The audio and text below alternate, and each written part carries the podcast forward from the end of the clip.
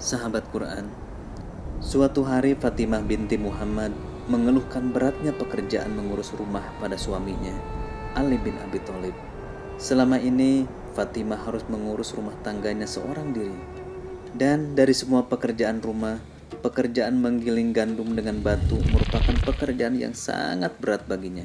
Suatu hari Fatimah mendapat kabar jika Nabi Muhammad SAW mendapatkan seorang budak Atas restu suaminya, Fatimah kemudian berangkat menuju rumah ayahandanya. Tujuannya hanya satu, meminta budak tersebut untuk membantunya di rumah. Sayangnya, sesampai di rumah ayahandanya, Nabi Muhammad SAW sedang tidak berada di tempat. Fatimah hanya menemui Aisyah radhiyallahu anha di sana. Akhirnya Fatimah menyampaikan maksud kedatangannya kepada Aisyah. Aisyah pun berjanji akan menyampaikan pesannya tersebut kepada baginda Nabi.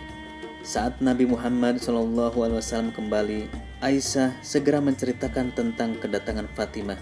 Mendengar hal tersebut, Nabi Muhammad SAW segera mendatangi anak dan menantunya tersebut. Melihat kedatangan Nabi Muhammad SAW, Ali serta Fatimah yang sedang berbaring beranjak untuk bangun dan menyambut beliau. Namun Nabi Muhammad SAW melarang keduanya untuk bangun. Beliau meminta agar keduanya tetap berada di tempat. Dengan penuh kasih sayang, kemudian Nabi Muhammad SAW berkata, Maukah kalian aku tunjukkan kepada sesuatu yang lebih baik dari apa yang kalian minta? Tanya beliau.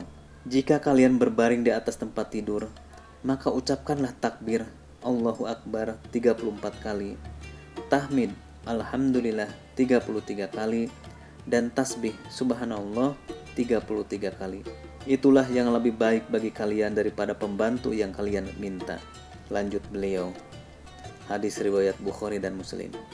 Sahabat Quran, sejak saat itu keduanya senantiasa mengamalkan apa yang telah diajarkan oleh Nabi Muhammad SAW.